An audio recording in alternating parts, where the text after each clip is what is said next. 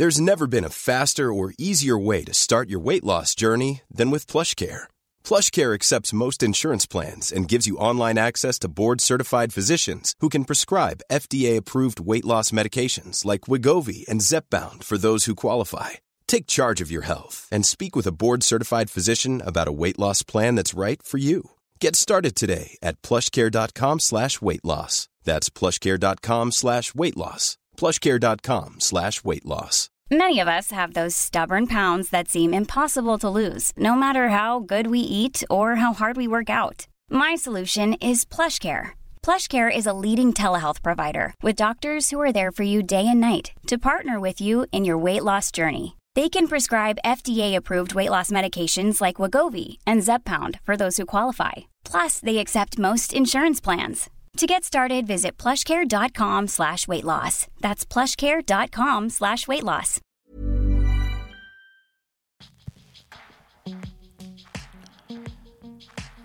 Hej!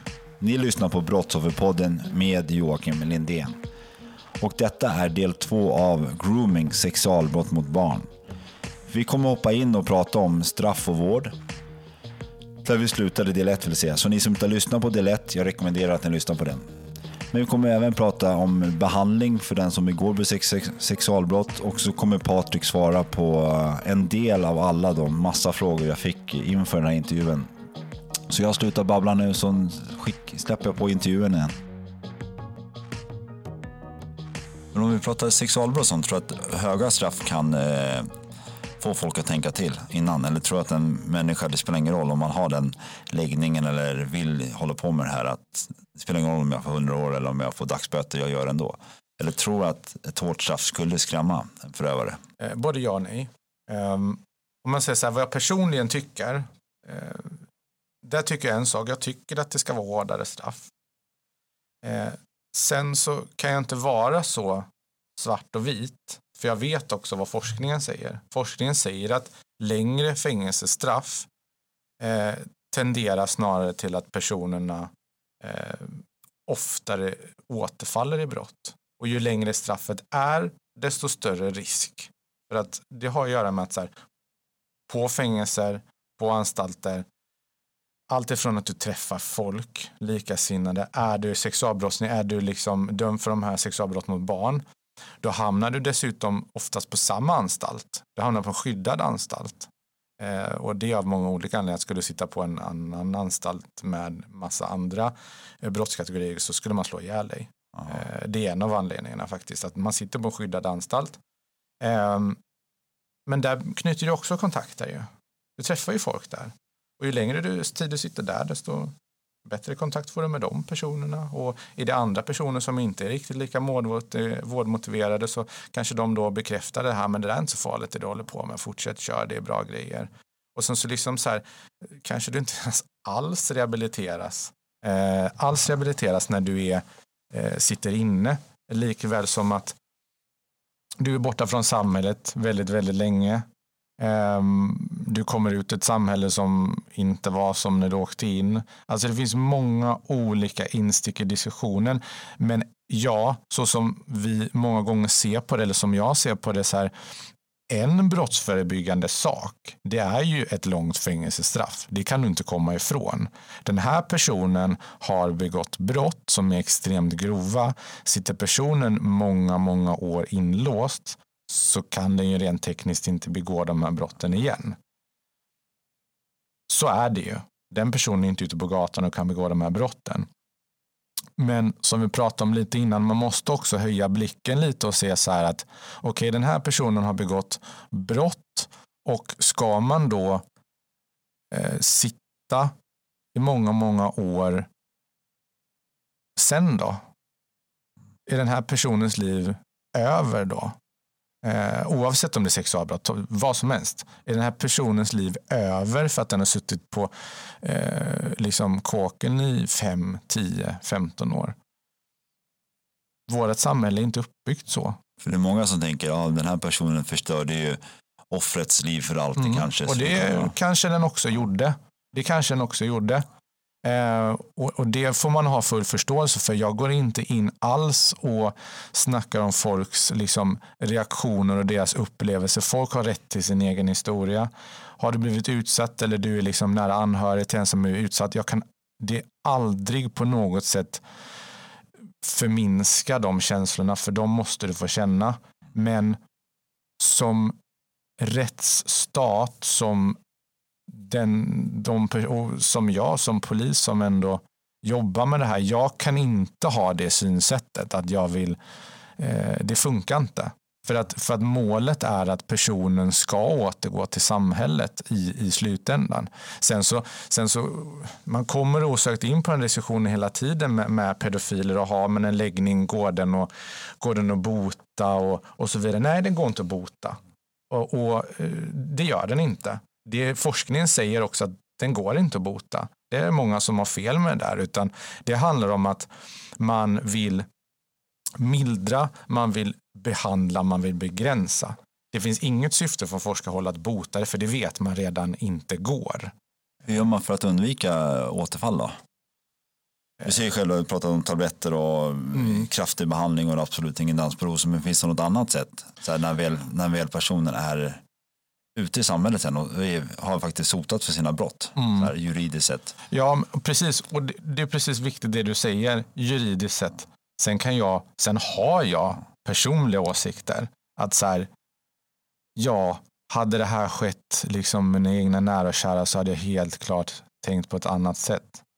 Men vad jag tycker, det är inte så viktigt i det stora hela, utan jag måste förhålla mig till juridiken. Men man har eh, dels liksom är du misstänkt för sexualbrott och döms för det så genomgår du vård och behandling idag. Det är kriminalvården, frivården som ser till att du går igenom olika eh, vad ska man säga, ja, med samtalsterapier eh, och så vidare. Om du har den här eh, riktningen då mot barn så finns det någonting som man kallar ANOVA eh, som är så en eh, sexualmedicinsk mottagning som finns här i Stockholm där man har specialiserad Eh, behandling för personer som då frivilligt söker vård sen efteråt. Då.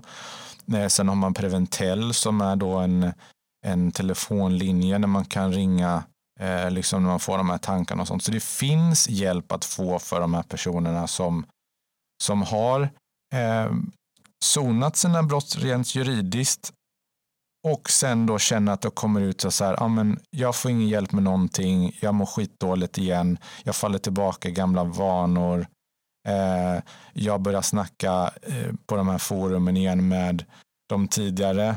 Är de oftast medvetna om sina, alltså, att det är fel? Sen så agerar de på det ändå? Det där är ju svårt att säga. Det är jättesvårt att säga. Um, och om du har liksom där då sexuella tändningsmönster på barn, om det är pedofil, pedofilstörning, vad vi nu ska kalla det. Eh, de känner ju många, många gånger att det är ju fel. Eh, och när man upptäcker det, många, det allra vanligaste är att du upptäcker det i tonåren. Eh, 15, 16 där någonstans. Att så här, alla andra tänder på vanliga saker. Liksom. Eh, men jag gör det inte då. Eh, och sen så tar det många, många år av processande över det vanliga. Allt ifrån tio till ännu fler år. Men innan du oftast självmant söker dig till liksom någon form av behandling. Då. Så det är ju många år som du går och, och liksom, eh, kämpar med det här. Eh, och där finns det ingen, vad jag vet, någon överrepresentation på något sätt att under den här perioden du mår dåligt, att du, du skulle begå mer av de här brotten än någon annan och sådär. Utan det handlar ju om i den meningen om att du mår psykisk ohälsa, du mår sjukt dåligt. Eh, och där finns det då kanske inte jättemycket hjälp att få. Och den hjälpen som finns, den är begränsad. Eh, vad jag vet, de här Anova, de finns i Stockholm. Jag eh, kan inte helt liksom ta gift på det, men jag tror inte att det finns på så många andra ställen i Sverige. Liksom. Och då blir det så här, då måste du åka till Stockholm för att få hjälp om du känner det här och du faktiskt vill göra någonting åt det. Det är ju så.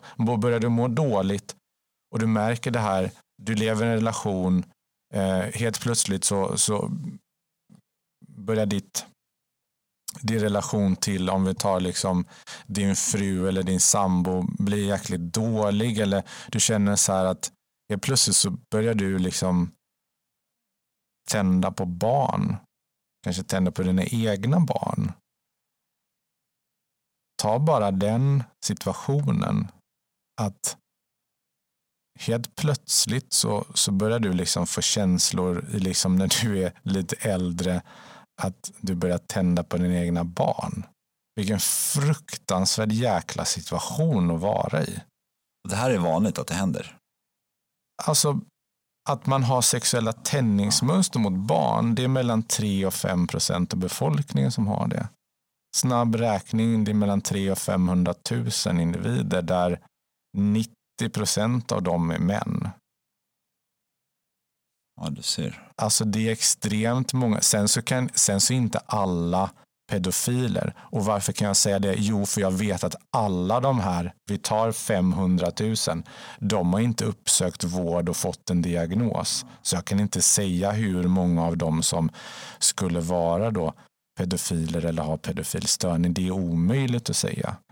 Men forskningen som finns är att du har den här tändningen till barn. Och sen bakomliggande orsak och sånt, det, det är egentligen oväsentligt i frågan egentligen, men det är problematiken att det finns så pass många och det är överrepresenterat av män som, som har den här dragningen. Och det är ju ett extremt stort, det är ett samhällsproblem som man kanske inte pratar om särskilt ofta. Och det är inte, det är inte ett nytt fenomen. Det här har funnits i många, många år och jag skulle snarare säga i min personliga uppfattning så gör man inte någonting åt det här att man jobbar mot att förhindra att barn utsätts så kommer ju det här bli det kommer bli mer och mer. Men det hör också att det, eftersom det är så många som har det här mm så betyder det att och det pratas ingenting om det. Jag har aldrig varit på en arbetsplats eller varit i ett, ett sammanhang där någon bara, vet du vad, igår började jag få så här skeva, jag vet att det är fel men jag börjar tänka så här om min egen barn. Jag har ju aldrig hört det. Nej. För att jag tror inte den personen vågar säga det. Nej. Som du sa. Eh, men är det det lite som en av grejerna kanske, att på, på något sätt normalisera pratet? Att, ja, precis som det har varit om självmord. Det har varit så här... Jag tror nog ändå det någonstans. Alltså så här, diskussionen kommer alltid in på det här att vi tycker synd om pedofiler och så vidare. Vi tycker synd om de personerna. Alltså så här, jag tycker inte synd om de här som begår brott. Om du förgriper dig mot ett barn så ska du straffas för det. Jag personligen skiter i vad du har för bortförklaring. Så är det bara. Jag bryr mig inte. Du har begått det här mot barnen. Barnen måste vi skydda. Barnen måste få upprättelse. Så är det bara. Men sen är vi också, nu är det 2021. Vi är alla intelligenta människor. Det är inte stenåldern längre. Vi har hög intelligens, större hjärna. Vi kan tänka. Vi kan tänka framåt i framtiden. Varför inte dra nytta av det då? Kan vi inte liksom se det? Okej, okay, det finns en extremt stor problematik. Vi måste göra någonting åt det. Och det kan bero på många saker varför man inte pratar om det. En stor sak som är mycket, alltså oavsett om, om du har någonting som sticker ut från normen så är det ju många gånger problematiskt att prata om. Eh, alltifrån politik till om du har någon politisk åsikt som sticker ut till till liksom om du är drogliberal eller vad som helst. Allt det där sticker ut lite och i vissa forum så, så eh, får du ta skit för det om du börjar liksom prata om det. Skulle du börja prata i, i storforum att ja, men vi kanske ska normalisera samtalet om, om att vara pedofil eller begå övergrepp mot barn. Det, det är rätt få arbetsplatser som skulle haka på det. Mm. Men Ska vi fortsätta som vi gör idag då? I all oändlighet? Nej. Och barnen kommer fortsätta utsättas i större utsträckning kanske. För att man inte, man hanterar inte grundorsakerna utan man, man agerar på symptomen. Lite som läkare, liksom så här, ja, men jag, jag kommer till sjukvård, jag mår sjukt psykiskt dåligt, här får du medicin, tack och hej. Det hjälper sällan. Du måste gå till grunden med vad problemet är.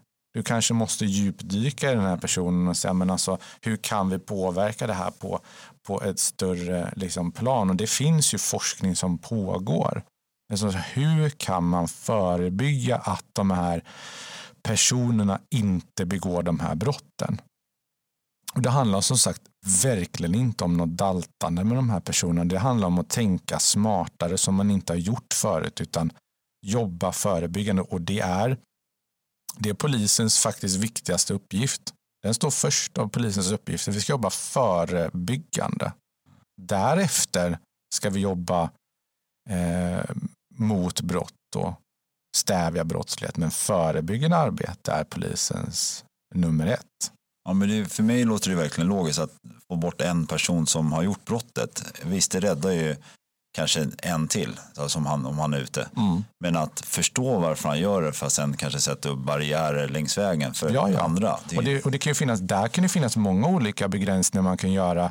Det, det är alltifrån att man kan ha eh, liksom eh, många av de här personerna eh, söker sig gärna kanske eh, i, i en kan inte stor utsträckning, men många söker sig till, till jobb där du kanske hanterar barn eh, Eh, fritidsledare, skolor, hockeytränare. Eh, att man ökar medvetenheten på sådana ställen. Man kanske har lite hårdare regler vid anställningar. Idag kan det vara lite si och så med det. Eh, det finns medicinering som kan hjälpa till och som sagt inte bota, men ett steg på vägen. Och om man tar, och sen så har man terapier som man kollar på nu, då är det forskning kan man liksom väva in terapier på de här personerna i förebyggande syfte? Kan man få tag i de här förebyggande syfte? Och då blir det liksom som ett samlingspaket. Man använder många olika grejer. Det är som sagt inte en quick fix för någonting. Det är sällan det finns problem med bara en lösning utan man, man använder sig av många olika liksom, sätt att angripa problemet. Och det tycker jag är smart att göra det. Sen får man tycka vad man vill om man tycker att det är liksom en så här och, och liksom eh, tycka synd om, om någon förövare. Då, då har man nog fattat frågan fel för det handlar inte om det. Nej, det förstår jag. Det förstår jag verkligen. Så här, men vad skulle du vilja säga till föräldrar på vad de ska vara uppmärksamma på? Så här, finns det någonting, så här, för jag tror att som samhället är som det är idag så tror jag att ibland kanske föräldrar kan minska eller kanske inte alltid så uppmärksamma. Så här, men finns det något speciellt de skulle kunna göra för att uppmärksamma att någonting kanske inte är som det ska. Så här. Finns det något tips? Om du får ge en förälder ett tips eller prata lite det här, vad man ska vara mm. uppmärksammad på. För... Mm. Alltså ska jag göra med ett tips så är det verkligen så här, och det kanske låter så här lite klyschigt, men prata med ditt barn. Var närvarande och prata med ditt barn. Du måste bygga en relation med ditt barn eller ungdom och det måste ske över tid. Du kan inte bara komma hem från, daget, eh, från jobbet en dag och, och säga så här, ah, men nu ska vi ha en bra relation. Det funkar inte så. Det funkar inte så till dina vänner, inte till mina vänner heller. Man måste ha en kontinuitet, man måste ha återkommande kontakt och liksom lever den här relationen, liksom förälder och barn. Men ha ett dagligt snack om så här, hur mår du? Du pratar hela tiden om, om eh, hur var det i skolan? Det gör du varje dag. Om du har barn, men frågar om hur jag hade det på nätet idag. Barn växer upp på nätet idag. Det är deras verklighet. De lever sitt liv på nätet. Det är liksom att vuxenvärlden verkar inte fatta det riktigt. Utan det är så här, de sitter med sin mobil. Jo, jo, men det är deras liv. Att vara ute på nätet. Och liksom du som smart vuxen då informera barnet om risker. Snacka om riskerna som finns. Att så här, personer som kanske hör av sig till dig kanske inte är de som de verkar vara. Kom och berätta för mig om du någon skriver något konstigt till dig när liksom du får ont i magen eller sådär. Och viktigt är att inte förbjuda grejer. För förbud leder sällan framåt i de situationerna. Alltså förbjuder du barnet att ha mobiltelefon, ja men då kommer låna polarens mobiltelefon. Förbjuder du dator så kommer låna någon annans dator. Det kommer inte hjälpa. Eh, tar du bort appar, ja då hittar den en annan app. Det handlar om att ha liksom ett, ett grundförtroende om man pratar om det eh, och aldrig liksom skam och skuldbelägga för att allt ting som du pratar skamfullt om, det har inte bara med det här, men vad som helst du pratar och du skuldbelägger en person så kommer den vara mindre benägen att prata om det. Vare sig det är missbruk eller vad som helst. Pratar du med någon som att så här, det här är extremt fel, du får absolut aldrig göra det här. Gör du det så händer det här. Det är inte särskilt pedagogiskt. Du kommer nog inte vinna så mycket mark på det, men att du kanske som förälder känner många gånger, ja men nu har jag i alla fall gjort mitt, men ja. ungen kommer inte lyssna på det där. Ja, det köper jag verkligen. Så att liksom inte, sen så, ja det finns det finns ju vissa forum man absolut kan begränsa sig. Ja, men om du ska få reda på att ditt barn är inne på liksom diverse eskortsidor och sådana, det är väl givetvis. Därför det var ha en sund inställning som förälder. Men det är inte det vi snackar om. Det kommer vara enskilda fall. Men, men generellt måste man ha liksom en annan approach på det. Liksom. Och det funkar inte att ha stenkoll på deras telefoner och datorer? Nej, ja, då bygger du verkligen ja. förtroende. Du kan ha så här, jag vet föräldrar som har eh, liksom spionprogram på eh, dotterns telefon och du vet de kollar sms och chatthistorik och surfhistorik och vem de ringer och det är GPS-positioner och ja okej, okay, är barnet ovetande om, om det där så kanske du känner då som förälder, åh vad skönt, jag har lite kontroll. Mm, okej, okay. eh, kommer du ha tid att sitta hela tiden och titta på det där informationen som du får? Nej, det kommer du inte ha. Eh, om barnet får reda på att eh, farsan har övervakat dig nu dygnet runt, den relationen är ju rätt körd sen. eh, så att liksom, det där håller ju inte. Eh, utan liksom samtalet som precis som allt och liksom så här, just det som vuxna är dåliga på eh, generellt och det har jag ju sen jag själv liksom gick i liksom, skolan, det är ju det här pratet om om sex och, och liksom utsatthet och liksom frivillighet och sådär. Många vuxna tycker det är pinsamt. Och det är därför barn och ungdomar söker svar hos, hos sina kompisar eller man söker det på nätet. Jag menar, så här, det, det är ganska jag vet att när jag föreläser och så här, liksom, jag ställer någon fråga så här, skulle du vilja ta diskussionen och snacka med din 12-åriga eh, dotter om analsex exempelvis. Ja, den är känslig. Det är ganska tyst i ja. salongen. Det är ingen som, det är pinsamt. Men om du inte pratar om det, nu är det inte något som man absolut så ska gå med på, det har inte med det att göra, utan så här, om, om det kommer en nyfiken fråga, så här, vad är det här? Har du gjort det någon gång? Vad ska jag göra om någon någon typ vill göra det här med mig, hur lär jag känna min egen kropp, jag bestämmer och så vidare. Om du inte ger svar på den här frågeställningen så kommer ju den här personen söka svar på annat håll. Den kommer söka det på internet och sen vet vi ju alla vad du kommer få för svar om du söker på Google på typ analsex. Så att då blir det, ska det vara den skolan som ungen då få den informationen ifrån. Ja, det blir nog fel väg att gå. Så att det, det är verkligen så här. Det, det är jobbiga samtal, det är pinsamma samtal.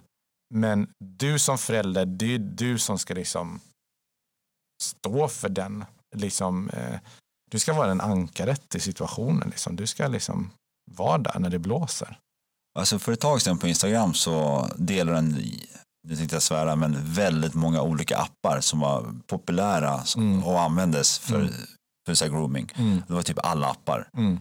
Så att man, nu ska man inte ha ett spionprogram, men man kanske ska förstå det så att det händer grejer på appar, de mest vanligaste apparna. Mm. Ja, till och med någon liten ponnyapp. Ja. Min flickvän till mig, det där spelade jag när jag var liten. Det är ju en av våra största ärenden som vi hade just på det här ponnyspelet. Nu ska jag ja. inte hänga ut de bolagsnamn ja. så, men eh, de vet vilka de är. Eh, så. Men, eh, men det, och det, liksom, det är också ett återkommande problem. De apparna kommer ju ständigt återkommande, även fast det var ett av liksom Sveriges största eh, ärenden som har ägt rum där på eh, liksom hittills. Så det fortgår ju.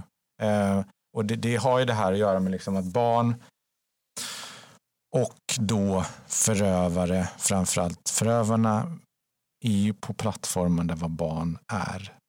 Det är svårt att säga så här, vilka appar finns bara de här personerna på som begår de här brotten? Det är svårt att säga. Sen har vi överrepresentation. Har vi överrepresentation av Snapchat exempelvis? Eh, den är ständigt återkommande. Eh, det är en app som jag tycker personligen är, är skit. Eh, sen får man som förälder ha det. Ens barn får ha det. Jag tänker inte moralisera kring det. Men jag vet vad jag ser dagligen med en sån app. Och för mig eh, som liksom utredande polis så tycker jag inte den tillför särskilt mycket. Utan då kan du kanske välja andra appar då. Men det är, vissa, det är fritt val. Ja. Det är vissa ungdomar jag jobbar med och det är bara ringer de svarar inte, jag måste snapchatta dem. Så nu, och jag använder inte Snapchat, jag har den bara för att de är ungdomar, jag jobbar ju med ungdomar. Mm. Och det är bara Snapchat, så mm. det är mm. som att, för du kan tydligen ringa där också. Mm. Det är jätteskevt så här.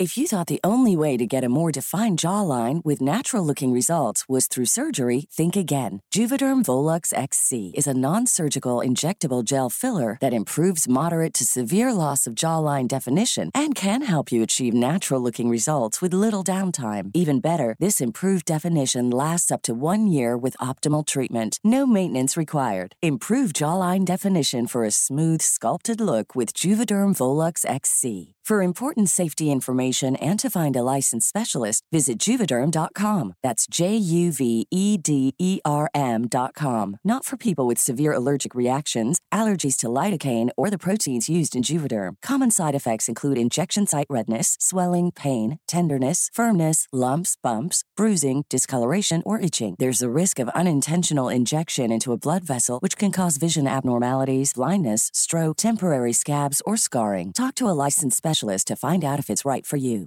Many of us have those stubborn pounds that seem impossible to lose, no matter how good we eat or how hard we work out. My solution is PlushCare. PlushCare is a leading telehealth provider with doctors who are there for you day and night to partner with you in your weight loss journey. They can prescribe FDA-approved weight loss medications like Wagovi and Zepbound for those who qualify.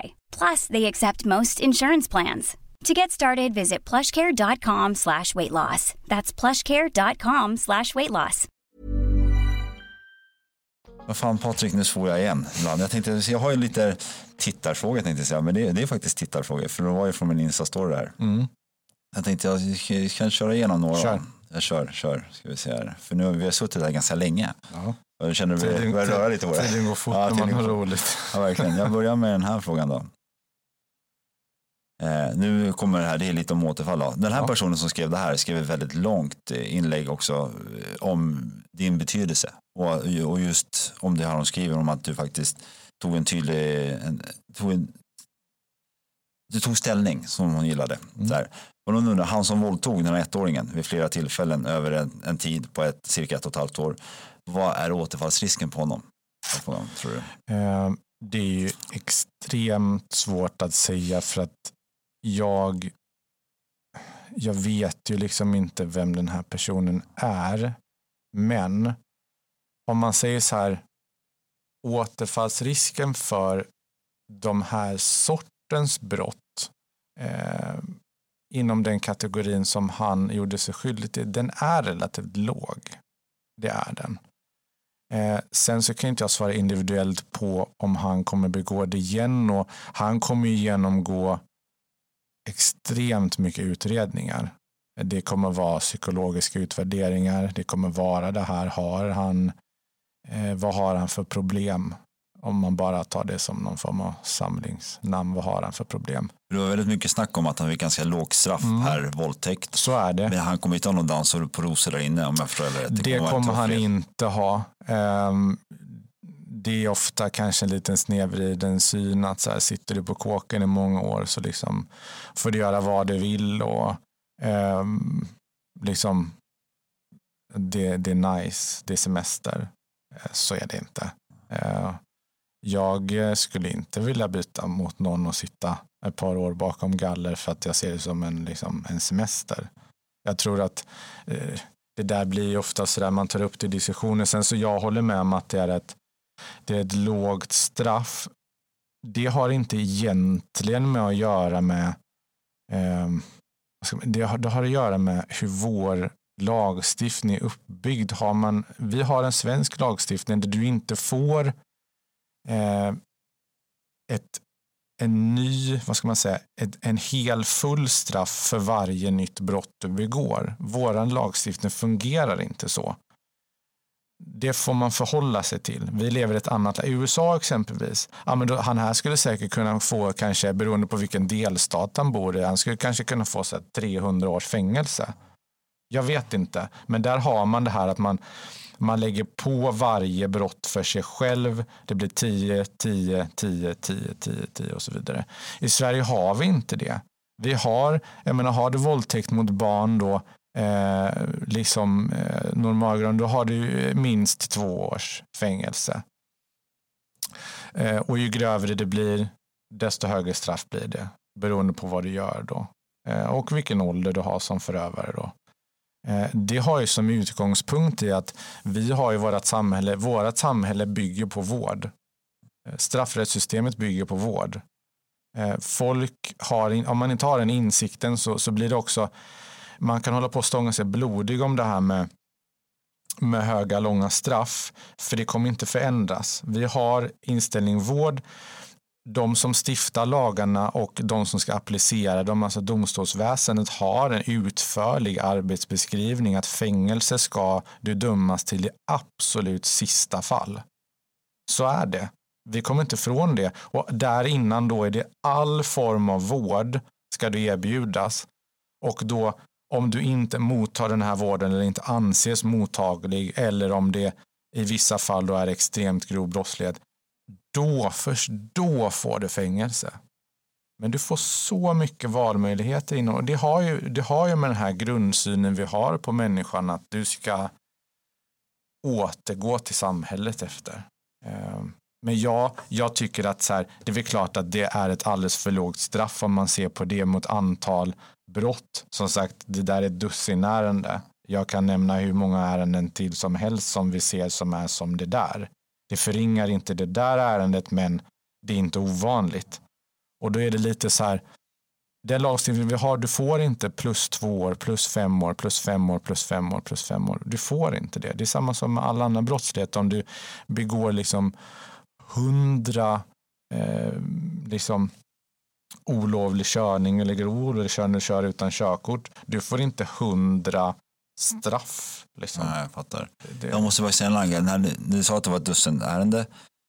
Hur är de anhöriga när det här väl uppdagas? Jag kan tänka mig den här lilla ettåringens föräldrar. När, mm. hur, hur, hur, hur var de tror jag när det här väl kom fram och i, kring förhören och, mm. och rätt, alltså hur?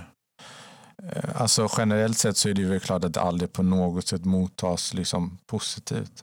Men är det någon alltså, specialist som bemöter dem eller finns det någon hjälp för dem att få kring det här? Ja, det finns alltid möjlighet liksom till, till liksom anhöriga. Det, liksom, det finns ju kontakt med liksom psykiatrin och sådana här saker.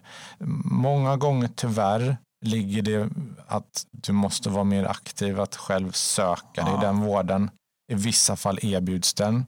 I andra fall så tyvärr blir du lite utelämnad. Att du får faktiskt vara aktiv och söka dig själv. Um, ja, så är det. Jag, jag, det. Det är så samhället fungerar. Jag hoppar över till fråga två. Då. Mm.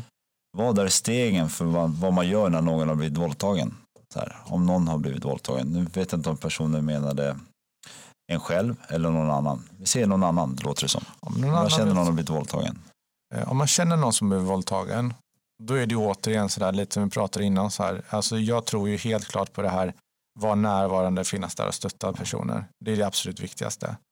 Eh, sen så finns det hjälp att få, alltså har du blivit, har du blivit våldtagen, eh, vare sig vi pratar om liksom, Eh, alltså virtuella våldtäkter och blivit eh, liksom över internet till, till att ha har blivit fysiskt våldtagen som som barn eller som, som vuxen så det finns ju vård att få. Ehm, stegen om man ska ta det rent tekniskt, jag vet inte om det är det som frågan gäller, men, men det kommer ju, det kommer ju vara en polisutredning. Man kommer eh, göra en sån här, oh, man kallade det full slentrianmässigt rape kit då som man får gå igenom.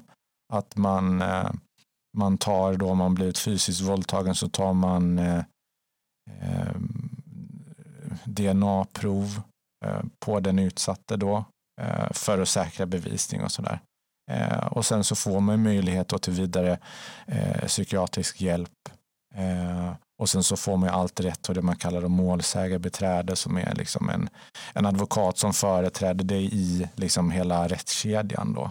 Eh, både det gäller liksom ersättning, skadestånd eh, då tillsammans med åklagaren eller liksom om du behöver annan hjälp så, så kommer du erbjudas och en, en målsägarbeträde och det är alltid gratis. Det betalar inte en spänn för det utan det är för att liksom hjälpa dig genom den här processen. Allt ifrån, vad ska man säga, den brottsliga processen där det ska liksom åtalas och någon person ska dömas för det, men också så vara ett stöd eh, vid sidan av. Liksom. Jag fattar. Så det, det, det, finns, enligt min uppfattning så finns det god hjälp. Um, sen, även här att söka kanske lite själv ibland, eller? Eller kommer den serveras till? Ja, alltså där, där, nu finns det garanterat enskilda fall där du säkert inte fått någon hjälp alls. Eh, jag tycker inte det ska tala för majoriteten, men du blir erbjuden den här hjälpen. Eh, sen av många anledningar så finns det personer som väljer att inte ta hjälpen. Då kan man tvinga den på någon. Men de här sakerna som målsägarbiträde, det, det, det är en rättighet du har till exempel. Eh, och, och, så att det finns ju massa saker. Men ja, vissa eh, delar måste du vara mer eller mindre aktiv i. Så är det. Jag förstår. Hoppar över till nästa. Här är ju lite mer, lite mer luddig fråga, men vad vill han du att vuxna män förstår?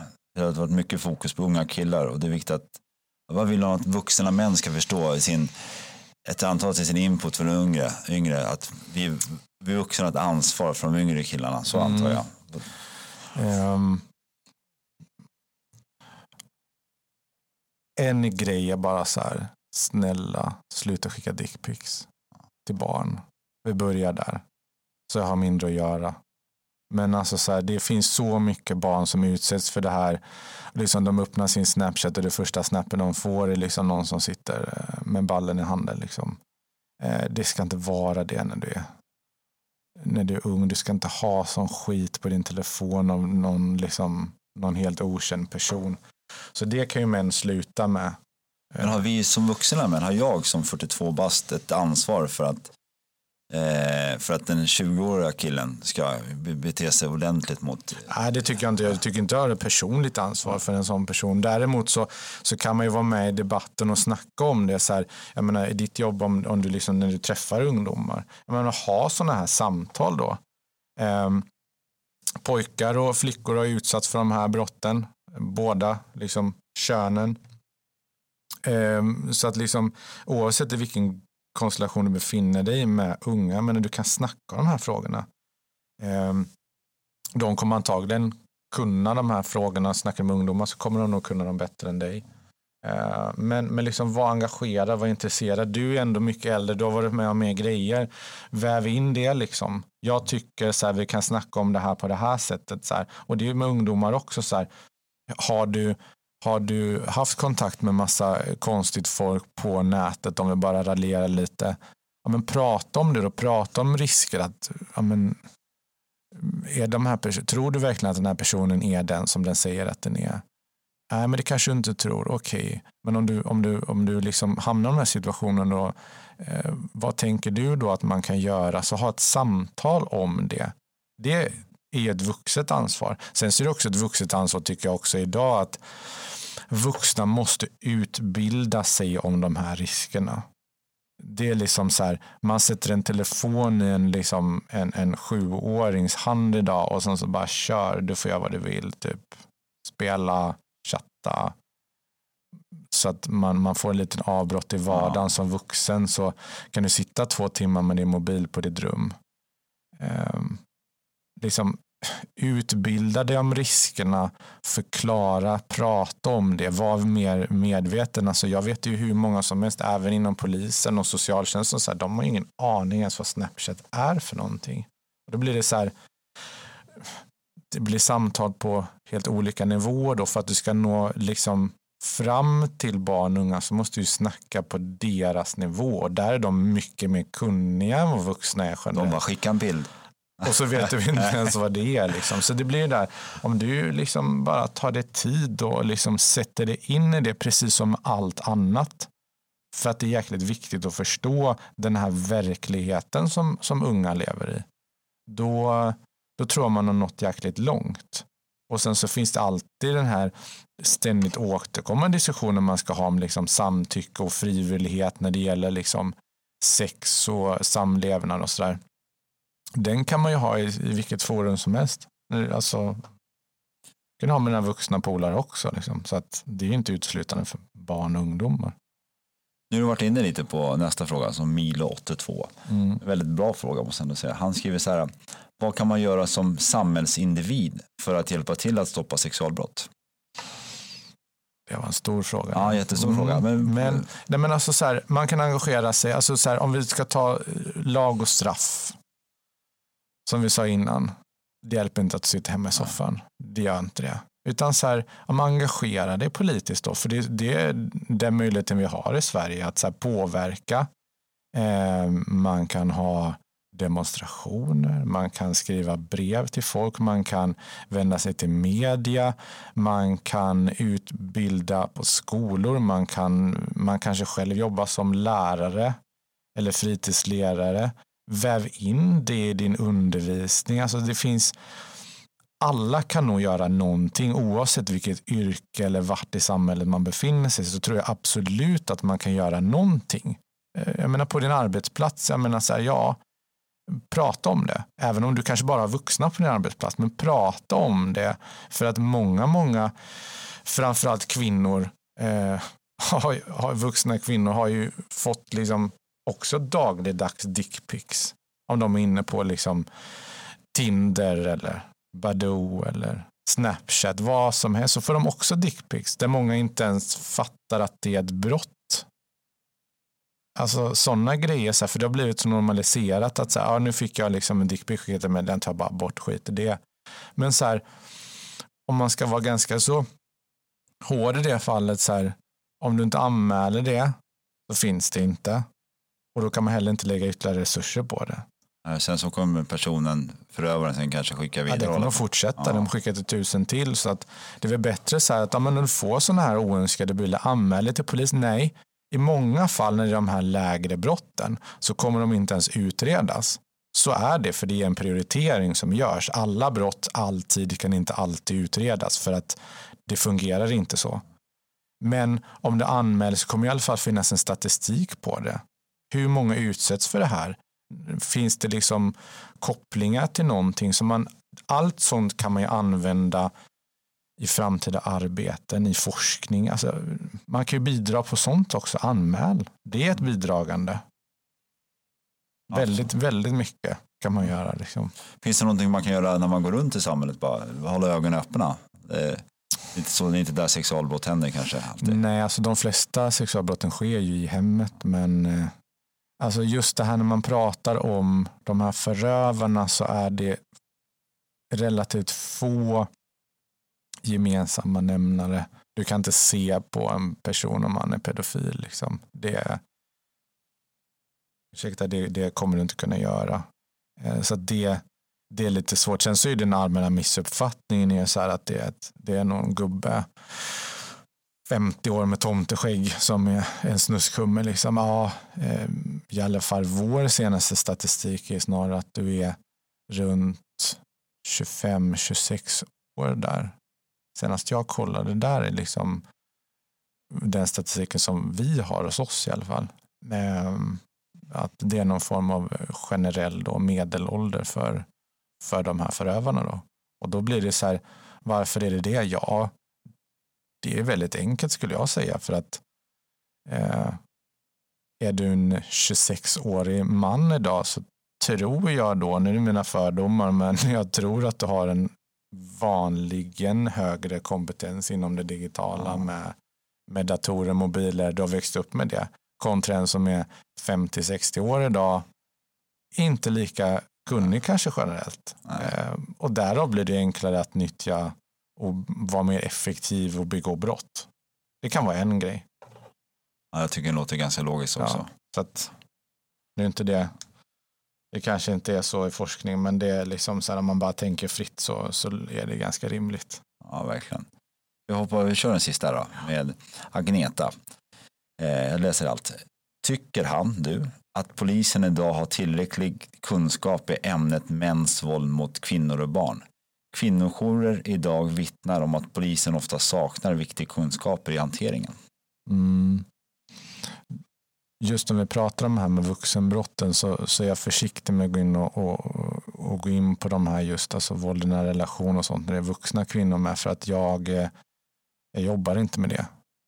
Det finns de som är bra mycket bättre. Men jag, jag skulle nog säga att det finns stora kunskapsluckor inom väldigt många områden där jag ser själv polisen har stora kunskapsluckor inom liksom, eh, kunskap om det digitala. Eh, hur de här brotten begås och, och sådana här saker. Det, det, finns alltid förbättringspotential liksom och det vet att man jobbar med och man har gjort det eh, liksom i senaste satsningarna. Eh, jag, jag, gissar att det finns garanterat kunskapsluckor hos poliser eh, och andra professioner som hanterar de här utsatta kvinnorna när de hamnar i den här situationen också. Ehm, det finns många olika förklaringar till det, men en förklaring kan vara att man hade en omorganisation inom polisen för ett par år sedan. Innan dess fanns det väldigt mycket specialgrupper som riktar sig specialiserat mot att utreda väldigt specialiserade områden. Då fanns det enligt min uppfattning poliser som jobbade då väldigt riktat mot, ja men vi tar det här brottsområdet liksom mäns våld mot kvinnor eller barn och sådär. Och de har gjort det över så lång tid så man har en extrem erfarenhet av det. Eh, sen kom det då liksom en organisation som gjorde att många av de här tjänsterna försvann och alla poliser skulle jobba med allting exempelvis. Och nej, det kanske inte alltid i alla avseenden blev bra då. Eh, men där ser jag liksom en, en extrem förbättring att man i dagsläget har hämtat hem mycket av det igen då. Ja, det var politiska beslut som kanske i vissa fall slog lite fel. Men, men det finns massor med, med specialgrupper idag där man jobbar hårt vidare. Vi är en grupp exempelvis. Eh, liksom det finns massa narkotikagrupper, det finns massa spangrupper, det finns massa det här då som man kan ha eh, BIN-grupper, då brott i nära relation, det finns massa sådana grupper. Så att man, man återgår lite till det gamla, vilket jag tycker är bra, för att man behöver ha specialister. Eh, och tyvärr, ja, det kanske kommer ta några år innan man kanske ser eh, hos frågeställaren här då att, att, att det kanske ger effekt. Då. Eh, så är det. Men ni förstår att det finns en del brister och ni absolut, jobbar på det? Absolut. Det, jag, jag är nog liksom av den uppfattningen att så här, kan du inte erkänna att du har brister så är det någonting som är fel för att alla har brister. Eh, så att det är helt övertygad om. Eh, sen så är jag också helt övertygad om att man satsar så extremt mycket pengar inom de här områdena och de som leder landet vill se resultat. Så att jag, jag är ändå uppfattning att man gör, eh, man gör verkligen så bra man kan utifrån de förutsättningar man har. Sen kan man alltid få mer pengar, man kan alltid få mer poliser, alltid mer resurser. Eh, så är det. Men, men jag vill hävda i alla fall det jag, jag jobbar med att vi på något sätt liksom inte liksom tar lätt på de här brotten eller någonting utan vi jobbar stenhårt liksom för att liksom utveckla eh, och liksom lagföra, förebygga. Liksom. Ni känner att ni, att ni har regeringens, eh, eller riks, ja, regeringens... Ja, nu, jo men det tycker jag nu, men på senare tid när man har satsat på de här, liksom då man kallar, eh, här i Stockholm kallar man det gryning då, en benämning och det, då är det en satsning då på särskilt utsatta brottsoffer. Att Man ska satsa mer pengar, mer resurser på att utreda då sexualbrott mot barn eh, och då brott i nära relation. Alltså det är fokus. Mycket, mycket mer än innan. Sen så blir det så, ja det är inte alltid allmänheten får ta del av den informationen. Eh, det kan jag väl kanske tycka är miss då. Eh, att så här, ja, men sprid den informationen lite mer då, så att folk, för folk vill ju veta. Och få folk liksom sin, sina frågor liksom stillade. Så här, men polisen jobbar ju faktiskt, ja, men då, då kanske man känner sig lugn. Gå ut och informera bara, men vi jobbar extra mycket mot det här nu så tror jag väldigt många skulle liksom vad ska man säga, slappna av lite eller liksom så här, men polisen tar det här på allvar. För att jag vet att det tas på allvar, men det kanske inte alltid förmedlas så. Ja, jag förstår. Men eh, du känner att er grupp ökar också och, mm. och resurser? Ja, man satsar på, sen så problematik med, med vår kategori av brott är väl kanske att um, av många olika anledningar så kan man ha svårt, som sök, uh, svårt med personer som söker sig till att man förväntas dagligen uh, utreda grova sexuella övergrepp mot barn, spädbarn som blir våldtagna, torterade, dokumenterat och så vidare det är inte alla människor som, som vill jobba med det. Eh, det är väldigt få poliser som vill jobba med det. Eh, och det får man ha respekt för. Alla eh, klarar inte av att jobba med allting om man ska säga så, eller alla vill inte det av många olika anledningar. Jag vill jobba med det här och än så länge så har jag inte lidit men av det. Skulle det komma till den gränsen att jag kanske skulle då må dåligt av det, ja, men då skulle jag nog inte jobba kvar. Men jag hoppas att jag aldrig kommer dit för att jag tycker att det är så extremt viktigt att jobba mot. Liksom. Ja, jag hoppas inte det heller. Du verkar verkligen vara rätt person på rätt plats. Tack. Du verkar vara lagom jordnära. Och... Tack. alltså, det är grymt. Alltså, jag har, vi har suttit jättelänge. Mm. Och det här blir väl 17 avsnitt, jag skojar bara, men det, det, blir, det blir något avsnitt i alla fall. Och eh, jag har inte det är massa saker säkert som jag glömt, men jag tror jag har fått med det viktigaste. Och, eh, men du känner i alla fall kontentan av det hela, att vi är på rätt väg. Så här, jag förstår att brotten kanske ökar, men ni tar fast mer också. Ja, men så är det ju. Eh, sen är det alltid så här, ja, det finns ju så statistik som varit ute i media alldeles nyligen att de här brotten ökar jättemycket och sånt. Man ska vara lite försiktig med att säga det för att det är en siffra eh, som säger att att eh, nu har brotten ökat här en period, säger då det åklagarmyndighetens siffror. Eh, Okej, okay.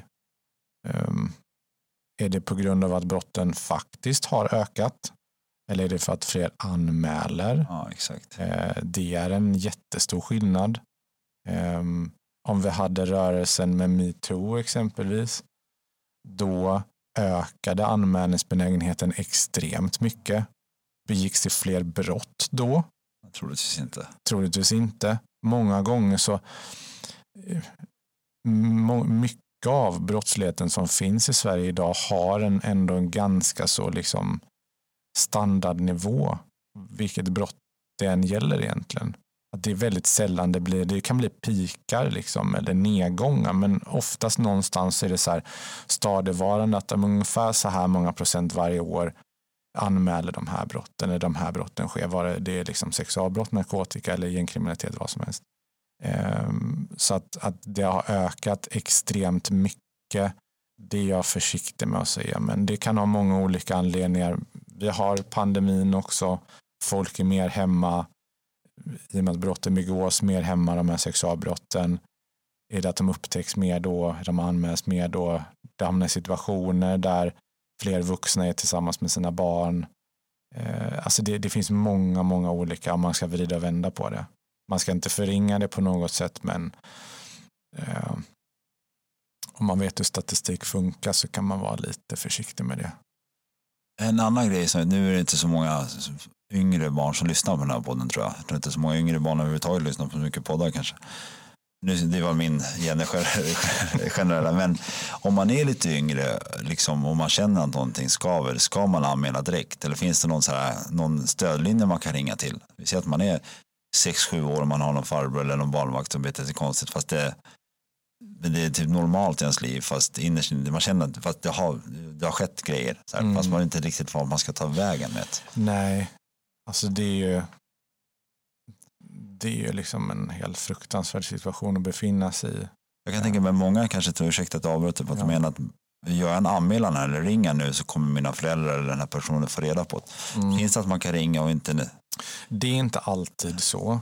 Men så om man tar om någon aktör utanför polisen så vet jag så här BRIS exempelvis. De har ju sån här hjälptelefon man kan ringa och det syns ju inte på ja, att man har ringt och så vidare, telefonräkningar och sånt. Det kan vara en grej, att man kanske vill prata av sig och sådär. Eh, men sen så är det ju så att ringer du till polis och du liksom är ett barn och det har skett i relationen. Att så här, ja, men vi, vi tar som exempel att, att eh, pappa har förgripit sig på sin dotter.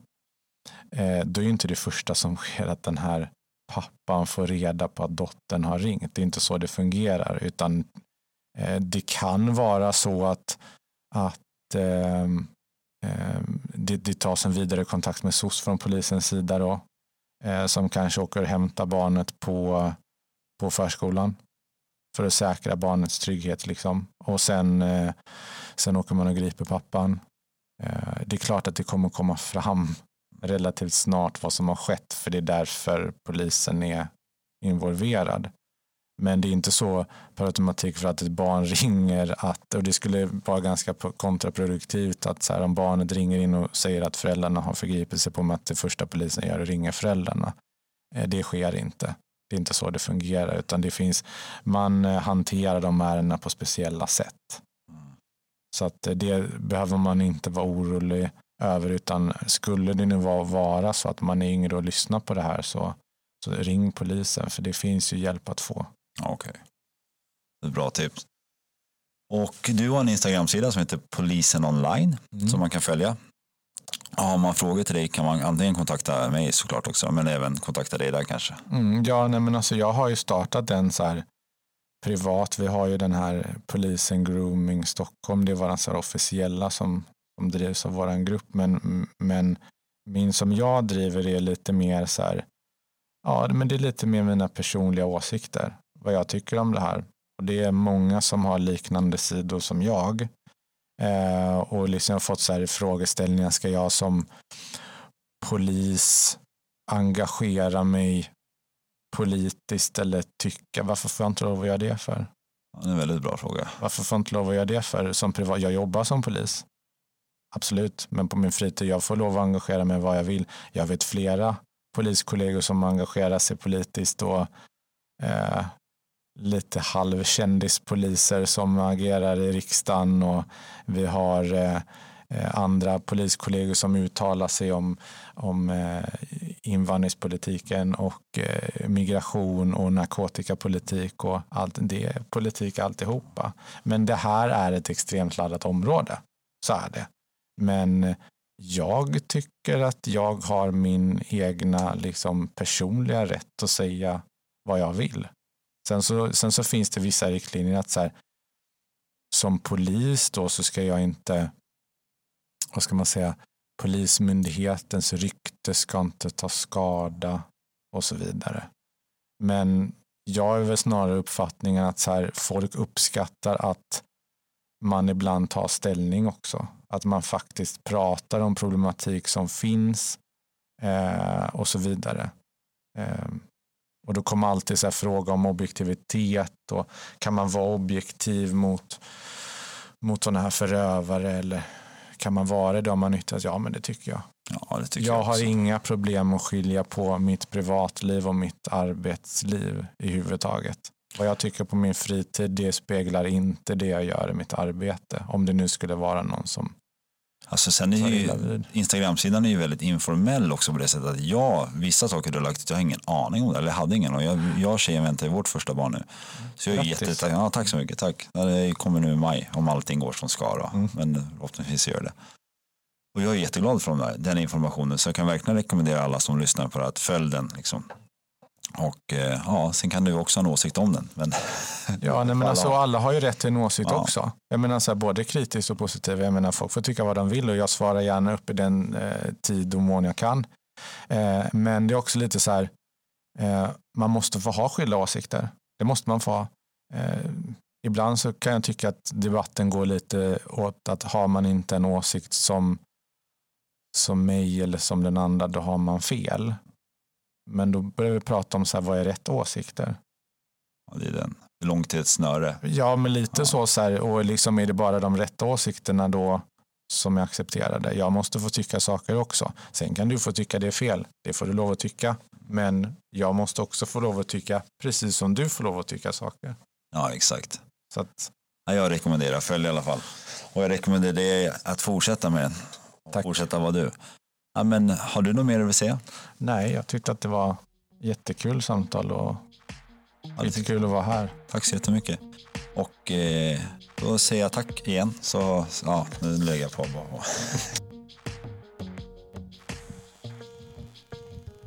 Jag vill återigen tacka Patrik från Groominggruppen som kom hit och eh, delade med sig av alla sina erfarenheter och tankar kring det här om sexualbrott mot barn. Jag rekommenderar er att följa hans Instagramsida som heter Polisen online. Följ gärna grooming, Groominggruppens Instagramsida också. Och eh, återigen tack för alla som är med och tack för alla som sprider podden. Det börjar gå nya höjder hela tiden. Och som jag nämnde sist, jag har en ny mailadress nu som är brottsofferpodden at gmail.com och eh, skriv gärna till mig där eller på Instagram och Facebook under namnet Brottsofferpodden. Massa kärlek och omtanke till er. Ha det bäst, ta hand om er. Kram, hej!